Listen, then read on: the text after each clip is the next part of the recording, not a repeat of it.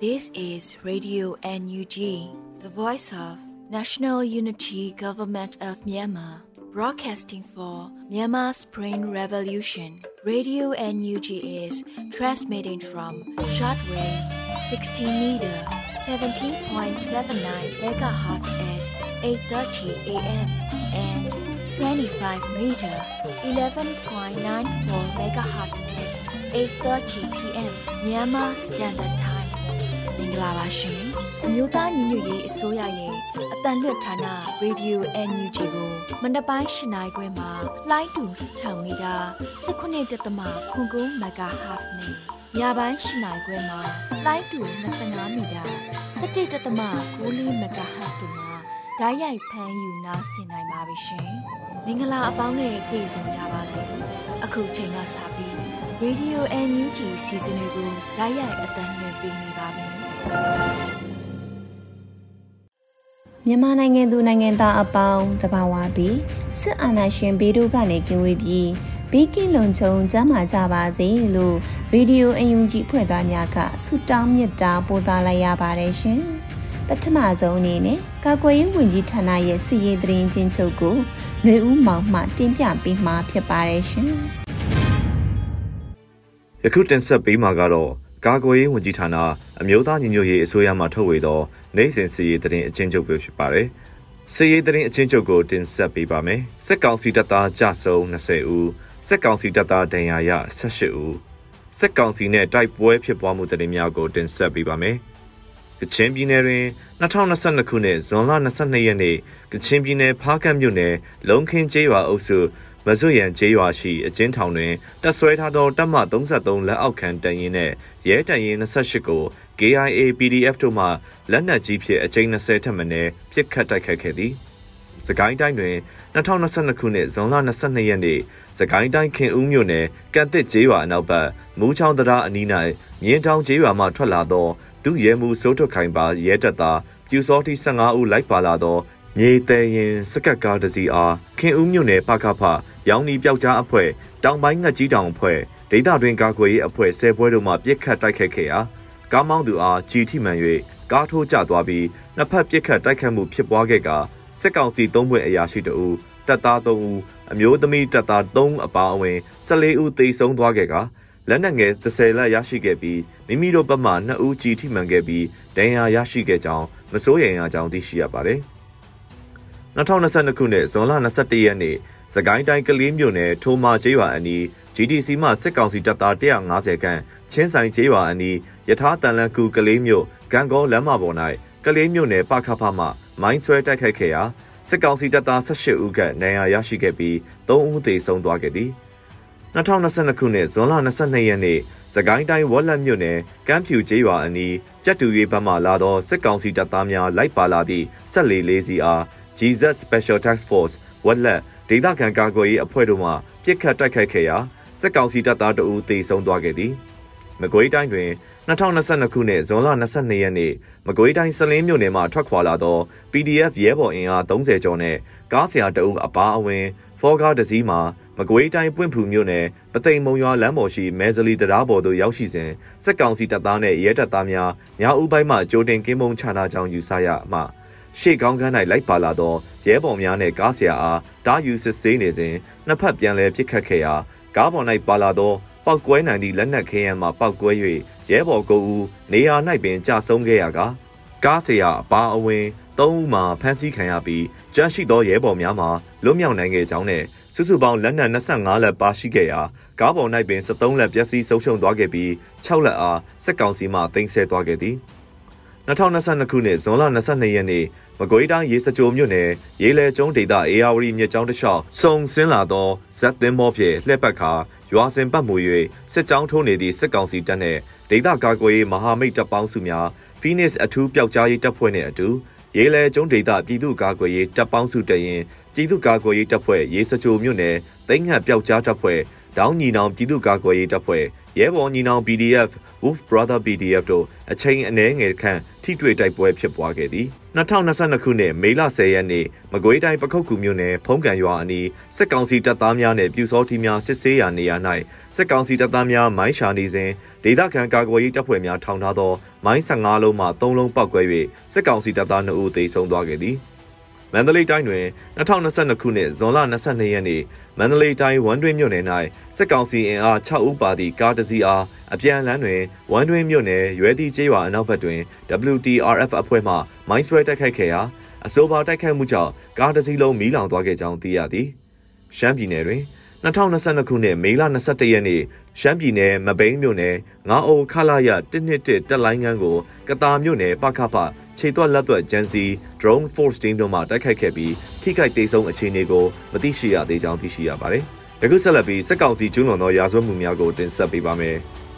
2022ခုနှစ်ဇွန်လ22ရက်နေ့နေ့လယ်ပိုင်းစကိုင်းတိုင်းဝက်လက်မြို့နယ်ကမ်းဖြူကျေးရွာသို့စစ်ကောင်စီတပ်သားများလိုက်ပါလာသောဆက်လေးလေးစီလာရောက်၍နေအိမ်များကိုမီးရှို့ဖျက်ဆီးခဲ့ပြီးနောက်မော်ဦးကျေးရွာနေအိမ်များကိုလည်းထပ်မံမီးရှို့ခဲ့ကြောင်းသိရသည်။ တနင်္သာရီတိုင်းတွင်2022ခုနှစ်ဇွန်လ21ရက်နေ့တနင်္သာရီတိုင်းလောင်းလုံးမြို့နယ်ဝါပြောကျေးရွာမှာအသက်49နှစ်အရွယ်ဒေါခင်ချိုခေါ်မဲချိုကိုစစ်ကောင်စီတပ်သားများကနေအိမ်သုံးလုံးအားတနက်ပစ်ခတ်၍ဝင်းရောက်စီးနှင်းခဲ့ပြီးဖမ်းဆီးခေါ်ဆောင်သွားခဲ့ကဖမ်းဆီးပြီးနောက်3နာရီခန့်အကြာတွင်ရိုက်နှက်တန်ရာဓားတန်ရာများအပြင်တနက်တန်ရာတစ်ချက်နှင့်သေဆုံးနေသည့်အလောင်းအားနေအိမ်ရှိတွင်လာရောက်ဆွတ်ပစ်သွားခဲ့ကြောင်းသိရသည်။ ပဲခူးတိုင်းတွင်2022ခုနှစ်ဇွန်လ21ရက်နေ့ပဲခူးတိုင်းပြည်မြို့နဝင်းနယ်မြေဘောကတစ်လန်းတွင်နေထိုင်သူပြည်သူတအူအားစစ်ကောင်စီတပ်သားများမှဖမ်းဆီးသွားခဲ့ကြောင်းသိရသည်2022ခုနှစ်ဇွန်လ21ရက်နေ့ပဲခူးတိုင်းတောင်ငူခရိုင်အတွင်းရှိကျေးရွာများတွင်စစ်ကောင်စီခန့်အုပ်ချုပ်ရေးမှုနှင့်အမှတ်နှစ်စခန်းမှုတို့ပူးပေါင်းပြီးအင်အား6ဦးခန့်ဖြင့်တနက်များကင်ကကျေးရွာများသို့လှည့်လည်ပြီး အမတော်ကြီးခေါင်းစဉ်ဖြင့်စက်ချင်းများအတင်းအဓမ္မချင်းချောက်တောင်းခံနေသည့်အပြင်စက်ကောင်စီခန့်အုပ်ချုပ်ရေးမှုများနဲ့၎င်းတို့၏နောက်လိုက်များသည်ကျေးရွာများတွင်တောင်းကျမ်းနေပြီးခေါင်းစဉ်မျိုးစုံဖြင့်အတင်းအဓမ္မတောင်းခံနေကြောင်းသိရသည် မကွေးတိုင်းတွင်2022ခုနှစ်ဇွန်လ21ရက်နေ့မကွေးတိုင်းကံကောခရိုင်စောမြို့နယ်အတွင်းအကြည်ရွာသို့စစ်ကြောင်းထုတ်လာသောစစ်ကောင်စီစစ်ကြောင်းမှကျေးရွာမှပြန်ထွက်စဉ်ဒေသခံများအုံပြုနေသောတောက်ရည်တွင်တို့လက်နက်ကြီးကြီးများပစ်ခတ်ထားခဲ့သောကြောင့်ဒေသခံများဘိုက်နာဝမ်းပြက်ဝမ်းလျှောနာမကျန်းမှုများဖြစ်နေကြောင်းနဲ့အဆိုပါစစ်ကောင်စီစစ်ကြောင်းမှာ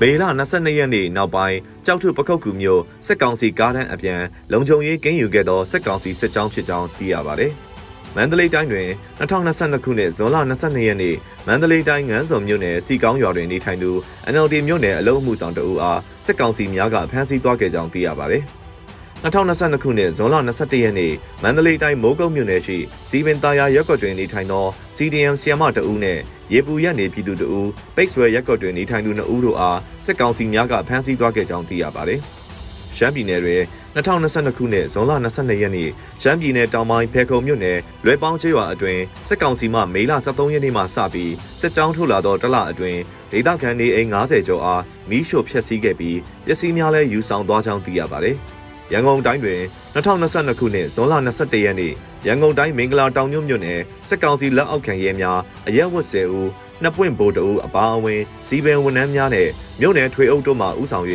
အောင်ဆန်းကွင်းကားကိတ်များကိုလိုက်လံစစ်ဆေးလျက်ရှိပြီးဖာစာပါလာရက်ကွက်အပြင်ဘက်ကားကိတ်များနဲ့ကျူးတဲများပါလိုက်ဖြတ်ခိုင်းသွားပြီး28ရက်နေ့အပီဖြတ်ရမည်ဟုစာတမ်းကတ်သွားခဲ့ကြောင်းသိရပါတယ်။2022ခုနှစ်ဇွန်လ21ရက်နေ့ရန်ကုန်တိုင်းတာမွေမြို့နယ်ပသိမ်ညွတ်3လမ်းတွင်စစ်ကောင်စီအဖွဲ့ဝင်များမှအဲစင်းစင်ရင်အင်ချေရမဲ့3ဦးကိုရိုက်နှက်ဖမ်းဆီးသွားကြောင်းသိရပါတယ်။ 2022ခုနှစ်ဇွန်လ21ရက်နေ့ရန်ကုန်တိုင်းတာမွေမြို့နယ်ဓမ္မဝိရာရလမ်းတွင်အမျိုးသား၄ဦးအမျိုးသမီး2ဦးကိုစစ်ကောင်စီအဖွဲ့ဝင်များမှဖမ်းဆီးသွားခဲ့ကြောင်းသိရပါတယ်။2022ခုနှစ်ဇွန်လ21ရက်နေ့ရန်ကုန်တိုင်းတာမွေမြို့နယ်မလွာကုန်းဘူတာမှတန်လန်းတစ်လျှောက်ကြက်ပဲဈေးဘတ်တရားအနီးတွင်လူငယ်တဦးကိုစစ်ကောင်စီအဖွဲ့ဝင်များကတနက်ဖြစ်လိုက်လံပစ်ခတ်၍ဖမ်းဆီးသွားကြောင်းသိရပါတယ်။ 2022ခုနှစ်ဇွန်လ21ရက်နေ့ရန်ကုန်တိုင်းမြောက်ဥက္ကလာပမြို့နယ်တာတလင်းချေရက်ကွက်ဥဇနာလန်းရှိအိမ်တင်အိမ်အားစစ်ကောင်စီအဖွဲ့ဝင်အင်အားအများအပြားဖြင့်ဝင်ရောက်ရှာဖွေရာတွင်၎င်းတို့ရှာဖွေသူကိုမတွေ့သောကြောင့်အိမ်သား၄ဦးကိုဖမ်းဆီးသွားကြောင်းသိရပါတယ်။2022ခုနှစ်ဇွန်လ21ရက်နေ့ရန်ကုန်တိုင်းအင်းစိန်ထောင်အတွင်းတွင်နိုင်ငံတော်၏အတိုင်းပင်ခံပုဂ္ဂိုလ်တော်အောင်ဆန်းစုကြည်မွေးနေ့အထိမ်းအမှတ်ဖြင့် ထောင်ဝတ်စုံပေါ်တွင်အမေစုပုံရေးဆွဲခြင်းပြုလုပ်ခဲ့သောကြောင့်ရေးဆွဲသူကိုတိုက်ပိတ်ထားကြောင်းသိရပါတယ်။2022ခုနှစ်ဇွန်လ22ရက်နေ့ရန်ကုန်တိုင်းခရမ်းမြို့နယ်တွင်စစ်ကောင်စီတပ်သားများနှင့်ပြူစောတိအဖွဲ့ဝင်များသည်အိမ်စီးကားများဖြင့်ကင်းပတ်လှည့်လည်နေပြီးလမ်းတွင်တွေ့ရှိသောစိုက်ကယ်များကိုတားဆီးပြီးရိုက်နှက်ခြင်းများပြုလုပ်ခဲ့ကြောင်းသိရပါတယ်။ အေယာဝတီတိုင်းတွင်2022ခုနှစ်ဇွန်လ22ရက်နေ့အေယာဝတီတိုင်းအတွင်းရှိမအူပင်ကြိုက်လက်နှင့်ညောင်တုံးမြို့နယ်များတွင်စစ်ကောင်စီတပ်သားများသည်ဒေသခံပြည်သူများနှင့်မိုဘိုင်းဖုန်းများအားရှာဖွေစစ်ဆေးလျက်ရှိပြီးဒေါ်အောင်ဆန်းစုကြည်၏မွေးနေ့တပ်ပုံများဖုန်းအတွင်တွေ့ရှိပါကဖမ်းဆီးအရေးယူနေကြောင်းသိရှိရပါသည်။မှတ်ချက်မြေပြင်သတင်းတောင်းဝန်ခံများနဲ့သတင်းဌာနများမှဖော်ပြလာသောအချက်အလက်များအပေါ်အခြေခံပြုစုထားသည်။ ယခုတင်ဆက်ပေးခဲ့တာကတော့ကာကွယ်ရေးဝန်ကြီးဌာနအမျိုးသားညီညွတ်ရေးအစိုးရမှထုတ်ဝေသောနိုင်စဉ်စည်ရေးသတင်းအချင်းချုပ်ပဲဖြစ်ပါတယ်ကျွန်တော်ကတော့ຫນွေဦးမောင်ပါခင်ဗျာ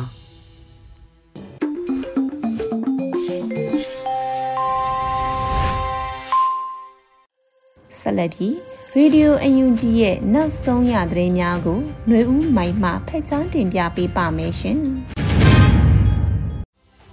မင်္ဂလာပါရှင် အခုချိန်ကစပြီး Radio UNG ရဲ့မနက်ခင်းသတင်းများကိုဖတ်ကြားပေးပါတော့မယ်။ဤသတင်းများကို Radio UNG သတင်းတောင်ခါများနဲ့ခိုင်လုံတဲ့မိဖက်သတင်းရင်းမြစ်တီစီကအခြေခံတင်ပြထားခြင်းဖြစ်ပါရဲ့ရှင်။ကျွန်မຫນွေဦးမိုင်းပါ။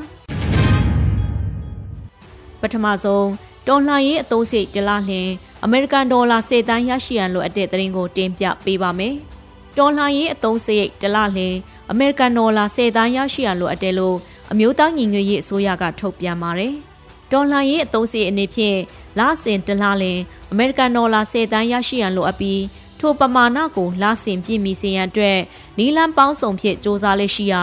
လုပ်ငန်းရှင်များအနေဖြင့်လည်းအမျိုးသားညီညွတ်ရေးအစိုးရထံသို့ဒေါ်လာရေးတာဝန်တရရဲ့အနေဖြင့်အခွင့်ဆောင်ကြရန်တိုက်တွန်းလိုတယ်လို့အမျိုးသားညီညွတ်ရေးအစိုးရကဖော်ပြပါတယ်။လက်ရှိမှာငွေတိုက်စာချုပ်ရောင်းချရမှုမှအမေရိကန်ဒေါ်လာ38တန်း အကြမ်းဖက်စစ်ခေါင်းဆောင်မင်းအောင်လှိုင်မတရားသိမ်းပိုက်ထားသည့်ပိုင်ဆိုင်မှုကိုရောင်းချမှုမှအမေရိကန်ဒေါ်လာ9တန်းကျော်စုစုပေါင်းအမေရိကန်ဒေါ်လာ45တန်းရရှိပြီးဖြစ်ပါတယ်။အဆိုပါငွေကြေး၏65ရာခိုင်နှုန်းကိုကာကွယ်ရေးအသုံးစရိတ်အဖြစ်အသုံးပြုထားပါတယ်လို့အမျိုးသားညီညွတ်ရေးအစိုးရကဆိုပါရရှင်။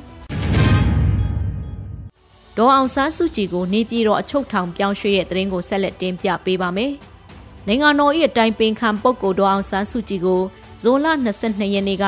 နေပြည်တော်အချုပ်ထောင်ဝင်းထဲကတီးတန့်အဆောက်အုံထဲကိုပို့ဆောင်လိုက်တယ်လို့တရားရုံးအတိုင်းဝန်ကပြောပါရယ်။ဇွန်လ22ရက်မွန်းလွဲပိုင်းမှာပို့ဆောင်လိုက်တာဖြစ်ပြီးတော့နေပြည်တော်အချုပ်ထောင်မှာအသက်ဆောက်ထားတဲ့နေရာလည်းဖြစ်ပါတယ်။အသက်89နှစ်အရွယ်ဒေါ်အောင်ဆန်းစုကြည်ကိုအကြမ်းဖက်စစ်အုပ်စုကနေစဉ်တရားရင်ဆိုင်စေပြီးအမှုများစွာဆွတ်ဆွဲတရားစွဲဆိုထားပါတယ်။ဇွန်လ23ရက်နေ့ရုံးထုတ်ကစပြီး နေပြည်တော်ချုပ်ထောင်အတွင်းရှိအသစ်ဆောက်လုပ်ပြီးတဲ့အထူးတရားရုံးမှာပဲနိုင်ငံတော်အတိုင်ပင်ခံပုဂ္ဂိုလ်တော်အောင်ဆန်းစုကြည်မှုကိုစစ်ဆေးမယ်လို့သိရပါတယ်ရှင်။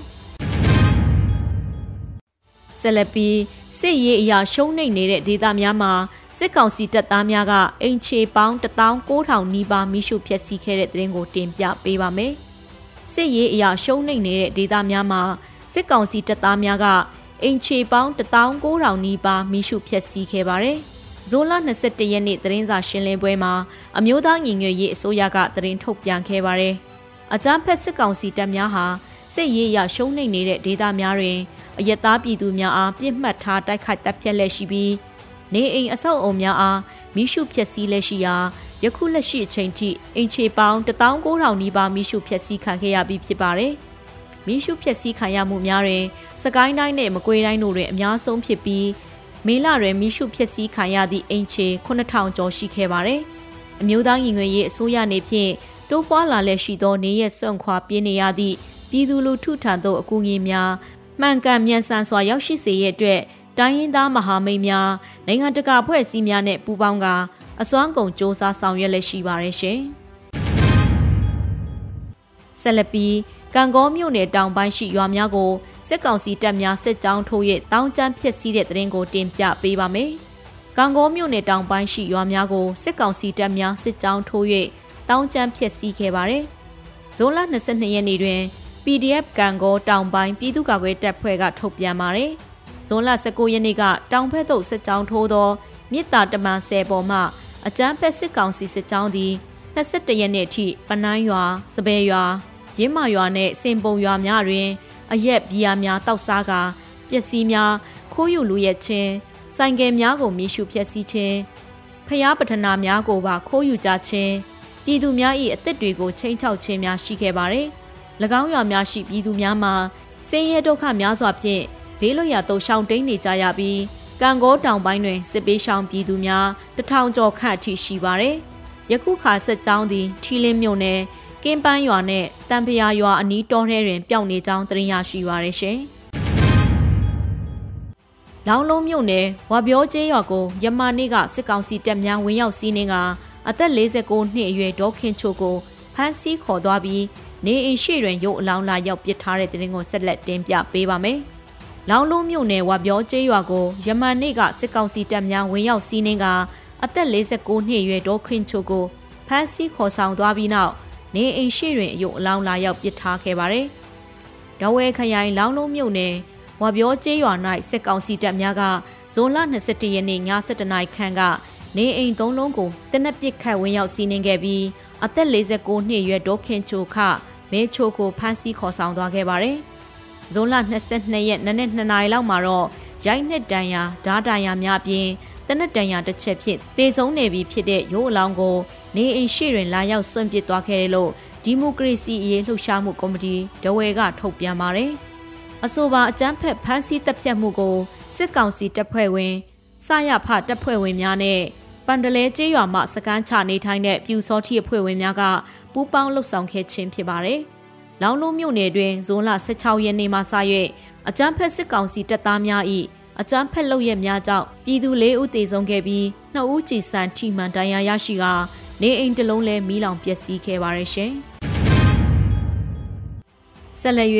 အကြမ်းဖက်စစ်တပ်မှပစ်ခတ်သည့်လက်နက်ကြီးကြောင့်ကတာမြို့နယ်ပလွေရွှေကျေးရွာတွင်ရေချိုးနေစဉ်လက်နက်ကြီးကြီးထိမှန်ကအမျိုးသမီးတဦးခါအောက်ပိုင်းပြက်တောက်သေးဆုံးတဲ့တဲ့ရင်ကိုတင်ပြပေးပါမယ်။အကြမ်းဖက်စစ်တပ်မှပစ်ခတ်သည့်လက်နက်ကြီးကြောင့်ကတာမြို့နယ်ပလွေရွှေကျေးရွာတွင်ရေချိုးနေစဉ်လက်နက်ကြီးကြီးထိမှန်က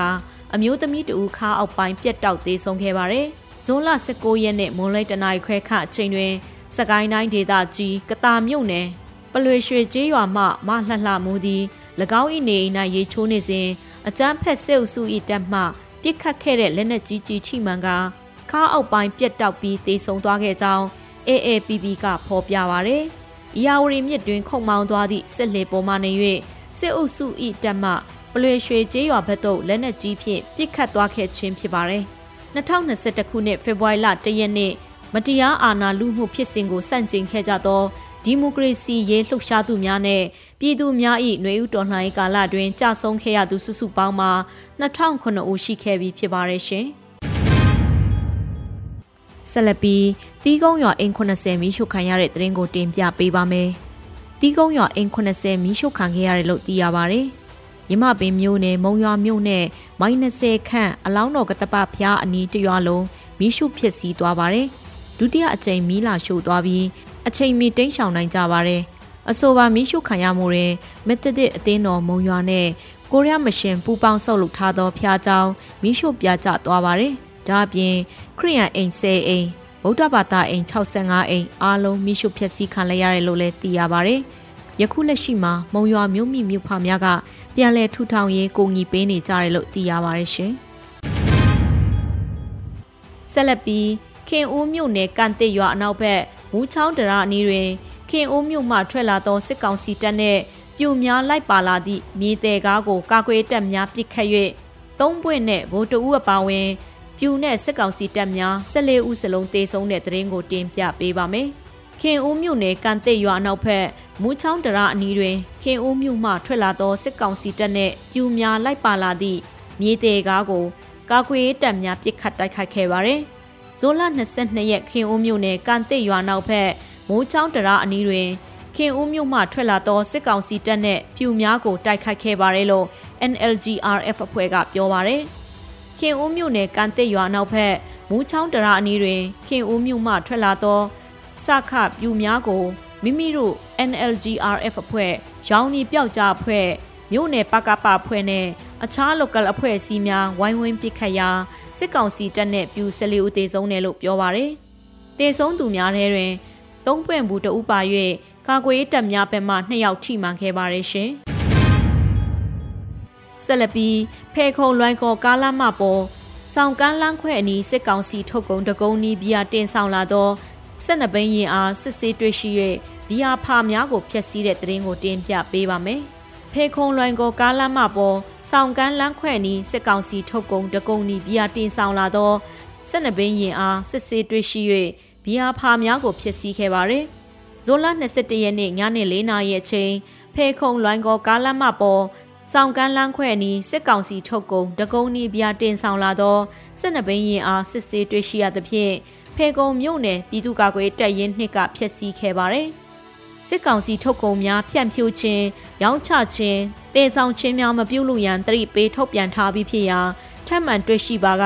ပုံမပြင်းထန်သောအပြစ်ဒဏ်များပေးမိဖြစ်ကြောင်းဖေခုံ PDF 2ကထုတ်ပြန်ပါတယ်။စစ်တပ်ထုတ်ကုန်များကိုလက်တလောတွင်ပြည်သူ့ကာကွယ်တပ်များကတားမြစ်ထားပါတယ်ရှင်။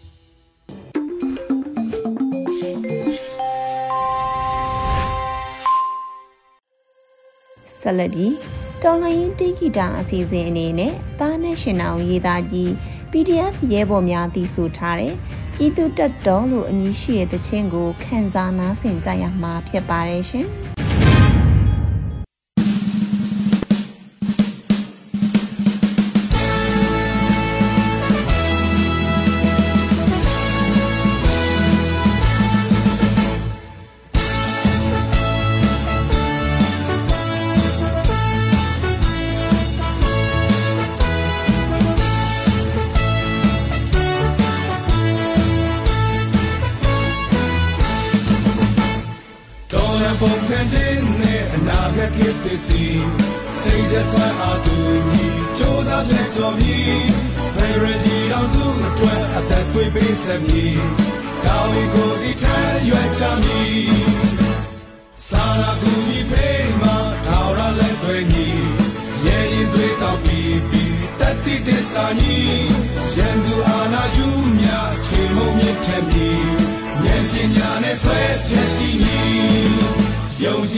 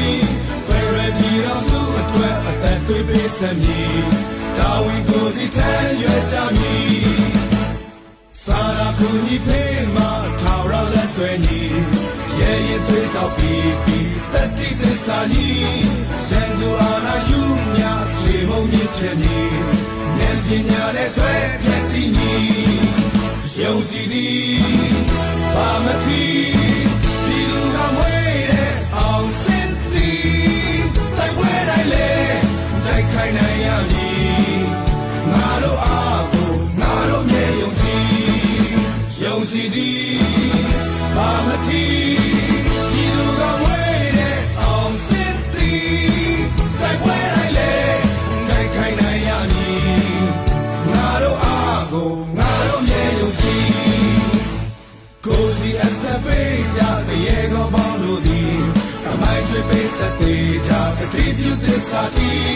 ဒီလူလူအပေါင်းဤဆန္ဒပြရမည်နိုင်ငံတော်ကိုသူစစ်ကြမည်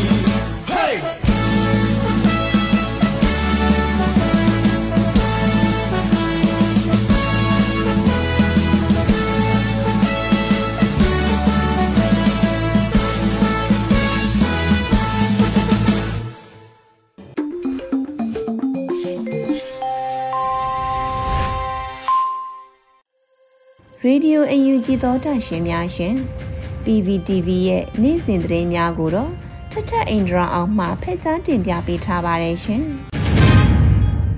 အခုပထမဆုံးတင်ဆက်ပေးမှာကတော့ចောင်းသားတက်မတော် ABSDF စစ်တင်နန်းစင်ပွဲကိုကာကွယ်ရေးဝန်ကြီးကတဝန်လွှာပေးပို့လိုက်တဲ့ဆိုတဲ့သတင်းကိုတင်ဆက်ပေးပါမယ်။ကျောင်းသားတက်မတော် ABSD ရဲ့စစ်တင်နန်းစင်ပွဲကိုအမျိုးသားညီညွတ်ရေးအစိုးရကာကွယ်ရေးဝန်ကြီးဌာနပြည်ထောင်စုဝန်ကြီးဦးရီမွန်ကတဝန်လွှာပေးပို့လိုက်တာပါ။ ကျောင်းသားတက်မတော် ABSDS ရောဒေတာစစ်ပညာသင်တန်းအမှတ်စဉ်နှစ်စင်ပွဲကိုအမျိုးသားညီညွတ်ရေးအစိုးရကာကွယ်ရေးဝန်ကြီးဌာနဝန်ကြီးအနေနဲ့တဝန်လွှာပါခွင့်ရတဲ့အတွက်အထူးဂုဏ်ယူကြောင်းပြောလိုတယ်။ ABSDS ဟာတမိုင်းရှိတဲ့အဖွဲ့အစည်းတော်လှန်ရေးအတွေ့အကြုံရှိတဲ့အဖွဲ့အစည်းဖြစ်တဲ့ 1988ခုနှစ်လူထုအရေးတော်ပုံကာလကစတင်ပြီးတော်လှန်ရေးတာဝန်ကိုမစုံမနစ်ထမ်းဖို့တည်ဆောင်လာခဲ့တဲ့အတွက်မြန်မာပြည်သူတွေလူငယ်တွေကလေးစားမှုယုံကြည်မှုထားရှိသလိုဆရာနာရှင်စန့်ကျင်ရေးပြည်သူအရေးတော်ပုံကြီးအပိသက်အောင်ပွဲခံတဲ့အထိတော်လှန်ရေးညီနောင်အင်အားစုများနဲ့လက်တွဲပြီးရှေ့ဆောင်ပါဝင်ဖို့လဲပြည်သူအလုံးကအားကိုးမျှော်လင့်ကြတယ်လို့ပြည်ထောင်စုဝန်ကြီးဦးရီမွန်ကပြောပါတယ်။ ဒါအပြင် ABSDF ကို88မျိုးဆက်လူငယ်တွေကတည်ထောင်ခဲ့တယ်လို့ PDF ဆိုရင်လည်း2021ခုနှစ်ຫນွေဦးမျိုးဆက်လူငယ်တွေကတည်ထောင်ခဲ့တာဖြစ်တယ်ဆိုတာနဲ့ဆရာနာရှင်စနစ်စန့်ကျင်တိုက်ဖျက်ရေးတော်လှန်ရေးအလံတော်တလက်သေးကိုကင်ဆောင်ကြသူချင်းဖြစ်တဲ့အတွက် ABSDF နဲ့ PDF ဟာညီကိုအရင်တော်လှန်ရေးအင်အားစုနှစ်ခုလို့ဆိုနိုင်ကြောင်းတဝန်လာမှာဖော်ပြခဲ့ပါတယ်။ PDF တက်မတော်ထူထောင်နိုင်ရေးအတွက် ABSDF ညီနောင်တွေကအားပေးကူညီခဲ့တယ်လို့ဒီကနေ့ပြည်သူခုခံတွန်းလှန်စစ်ဆင်နွှဲရမှာလဲစစ်မြေပြင်မှာအတူတကွလက်တွဲတိုက်ပွဲဝင်နေကြပြီးဖြစ်တယ်။အမျိုးသားညီညွတ်ရေးအစိုးရ NUG နဲ့မြန်မာနိုင်ငံចောင်းသားများဒီမိုကရက်တစ်တပ်ဦး ABSDF တို့ဟာနိုင်ငံရေးစစ်ရေးဗတ်ပေါင်းစုံမှာပူးပေါင်းဆောင်ရွက်နေကြတာဖြစ်တယ်လို့လည်းဥယျာဉ်မွန်ကပြောပါတယ်။ တော်လှန်ရေးအင်အားစုတွေပေါင်းစည်းမိတဲ့အခါမှာအကောင်နဲ့တော်လှန်ရေးမြစ်ကြီးအနေနဲ့လူသက်အကြမ်းဖက်ဆင်အာဏာရှင်အမိုက်တလိုက်တွေကိုရှင်းလင်းတုတ်တင်ဖယ်ရှားနိုင်မှာဖြစ်တယ်ဆိုတာယုံကြည်တယ်လို့ဖော်ပြထားတာကိုတွေ့ရပါတယ်။ ဆလတ်တင်ဆက်ပေးမှာကတော့နိုင်ငံတကာအတိုင်ဝန်းအနေနဲ့မြန်မာပြည်သူတွေကိုကိုစားပြုတဲ့ CRPH NUG နဲ့ထိတွေ့ဆက်ဆံပြီးတော့ဒီမိုကရေစီနဲ့တရားမျှတမှုရှိစေရေးကြိုးပမ်းရမှာပူးပေါင်းဆောင်ရွက်မှုမြင့်တင်ရမယ်လို့တာမတ်ကြီးဦးကျော်မိုးထွန်းပြောကြားလိုက်တဲ့ဆိုတဲ့သတင်းကိုတင်ဆက်ပေးပါမယ်။ နိုင်ငံတကာအတိုင်းအဝန်ကုလသမဂ္ဂကိုယ်စားလှယ်တွေနဲ့နိုင်ငံတကာပါလီမန်များအဖွဲ့အနေနဲ့မြန်မာပြည်သူတွေကိုကိုစားပြုရည်တည်နေတဲ့ CRPH NUG တို့နဲ့ထိတွေ့ဆက်ဆံပြီးတော့မြန်မာနိုင်ငံမှာဒီမိုကရေစီနဲ့တရားမျှတမှုရှိစေရေးကြိုးပမ်းရမှာပူးပေါင်းဆောင်ရွက်မှုမြင့်တင်မှုကုလသမဂ္ဂဆိုင်ရာမြန်မာအမြဲတမ်းကိုယ်စားလှယ်တမ်မတ်ကြီးဦးကျော်မိုးထွန်းကပြောကြားလိုက်တာပါ။ ကုလသမဂ္ဂအထွေထွေညီလာခံမှာဇွန်လ22ရက်ကပြုလုပ်ခဲ့တဲ့ကုလသမဂ္ဂအမျိုးသားလွှတ်တော်များနဲ့နိုင်ငံတကာပါလီမန်များအဖွဲ့ကြားအပြန်အလှန်အထောက်အကူပြုခြင်းဆိုင်ရာဆွေးနွေးပွဲမှာအခုလိုပြောကြားလိုက်တာပါ။ တမ်မကြီးဦးကျော်မိုးထွန်းကနိုင်ငံတကာအတိုင်းဝန်ကုလသမဂ္ဂကိုယ်စားလှယ်တွေနဲ့ IPU အနေနဲ့မြန်မာပြည်သူတွေကိုကိုစားပြုရည်တည်လျက်ရှိတဲ့ပြည်ထောင်စုလွှတ်တော်ကိုစားပြုကော်မတီနဲ့အမျိုးသားညီညွတ်ရေးအစိုးရတို့နဲ့ဆက်လက်ထိတွေ့ဆက်ဆံပြီးတော့မြန်မာနိုင်ငံမှာဒီမိုကရေစီနဲ့တရားမျှတမှုရှိစေရေးအတွက်ကြိုးပမ်းရမှာပူးပေါင်းဆောင်ရွက်မှုမြင့်တင်မှုတိုက်တွန်းလိုရဲဆိုတာနဲ့နိုင်ငံတကာအတိုင်းဝန်နဲ့ကုလသမဂ္ဂရဲ့မြန်မာပြည်သူတွေအပေါ်အားပေးထောက်ခံမှုကအရေးကြီးတဲ့အခုချိန်ခါမှာမပြတ်ကွက်တင်မှုဆိုတာနဲ့ အဲ့ဒီလိုဆက်လက်ပြီးတော့တိုးမြင့်ဆောင်ရွက်တာဟာမြန်မာနိုင်ငံမှာတရားမျှတမှုနဲ့ဒီမိုကရေစီပေါ်ထွန်းမှုရရှိမှာလို့ခိုင်မာစွာယုံကြည်တယ်ဆိုပြီးပြောကြားလိုက်တာပါမြန်မာနိုင်ငံရဲ့အဖြစ်အပျက်တွေကစစ်တပ်အာဏာသိမ်းတာကြောင့်ဖြစ်ပေါ်လာတဲ့လူသားချင်းစာနာထောက်ထားမှုဆိုင်ရာကပ်ဘေးဖြစ်တဲ့မြန်မာနိုင်ငံမှာကုလသမဂ္ဂထိတွေ့ဆောင်ရွက်နေရာကုလသမဂ္ဂပြည်ညံစာရမှာကုလသမဂ္ဂရဲ့ပြည်သူများဆိုတဲ့စာသားနဲ့စတင်တဲ့အလျောက် ကမ္ဘာပြည်သူတွေကိုတတ်သိပြုတဲ့ကုလသမဂ္ဂအနေနဲ့ကျဲလောင်ပြတ်သားတဲ့မြန်မာပြည်သူတွေရဲ့အတန်ကိုနားထောင်စီလိုတယ်ဆိုပြီးတော့လဲတာမတ်ကြီးကမိန့်ခွန်းထဲမှာထည့်သွင်းပြောကြားထားပါတယ်။ဒါအပြင်စစ်တပ်အုပ်ချုပ်မှုကိုအလိုမရှိမှု Federal Democracy ပြည်ထောင်စုတည်ထောင်လိုမှုတွေကမြန်မာပြည်သူတွေရဲ့အတန်ဖြစ်တဲ့ပြည်ထောင်စုကိုစားပြုလွှတ်တော်ကော်မတီနဲ့အမျိုးသားညီညွတ်ရေးအစိုးရတို့ကပြည်သူကိုကိုစားပြုရည်တည်တာကိုပြည်သူတွေကလက်ခံထားတယ်ဆိုပြီးတော့လည်းပြောကြားခဲ့ပါသေးတယ်။ အကြမ်းဖက်စစ်တပ်ကလွှတ်တော်ကိုယ်စားလှယ်အများစုကိုတရားမဝင်ဖမ်းဆီးချုံနှောင်ထားပြီးတော့အ ਨੇ ဆုံးလွှတ်တော်အမတ်တအုပ်ကအသက်သေဆုံးတဲ့အထိစစ်ဆေးမင်းမြဲခံခဲ့ရတယ်ဆိုတာနဲ့အမတ်တွေရဲ့နေအိမ်နဲ့ပိုင်ဆိုင်မှုတွေကိုတရားမဝင်သိမ်းခဲ့တာသမရအဝင်မြင့်နဲ့နိုင်ငံတော်ရဲ့အတိုင်ပင်ခံပုဂ္ဂိုလ်ဒေါအောင်ဆန်းစုကြည်တို့က2020ရွေးကောက်ပွဲတွေမှာဒုတိယအကြိမ်တက်တန်းအတွက်ရွေးချယ်ခြင်းခံခဲ့ရပြီးတော့အကြမ်းဖက်စစ်တပ်ရဲ့တစားကန်ထိမ့်သိမ်းခံထားရတာတွေကိုလည်းထည့်သွင်းပြီးတော့ပြောကြားခဲ့တာကိုတွေ့ရပါတယ်။ ဒီကနေ့ကတော့ဒီညနေပဲ Radio NUG ရဲ့အစီအစဉ်လေးကိုခေတ္တရ延လိုက်ပါမယ်ရှင်မြန်မာစံတော်ချိန်မနေ့၈နိုင်ခွဲနဲ့ည၈နိုင်ခွဲအချိန်တွေမှာပြောင်းလဲဆိုပြကြပါလို့ရှင် Radio NUG ကိုမနေ့ပိုင်း၈နိုင်ခွဲမှာလိုင်းတူ16မီတာ19.7 MHz မညပိုင်း၈နာရီခွဲမှာလိုင်းတူ25မီတာ17.6 MHz တို့မှာ ဓာတ်ရိုက်ဖမ်းယူနာဆင်နိုင်ပါပြီရှင်။မြန်မာနိုင်ငံသူနိုင်ငံသားများကိုစိတ်နှပြချမ်းမာချမ်းသာလို့ဘေးကင်းလုံခြုံကြပါစေလို့ Radio NUG ရဲ့ဖွဲ့သူဖွဲ့သားများကဆုတောင်းလိုက်ရပါတယ်။ San Francisco Bay Area အခြေဆိုင်မြန်မာမိသားစုများနဲ့နိုင်ငံတကာကစေတနာရှင်များလို့အားပေးများရဲ့ Radio NUG ဖြစ်ပါတယ်ရှင်။အရေးတော်ပုံအောင်ရမည်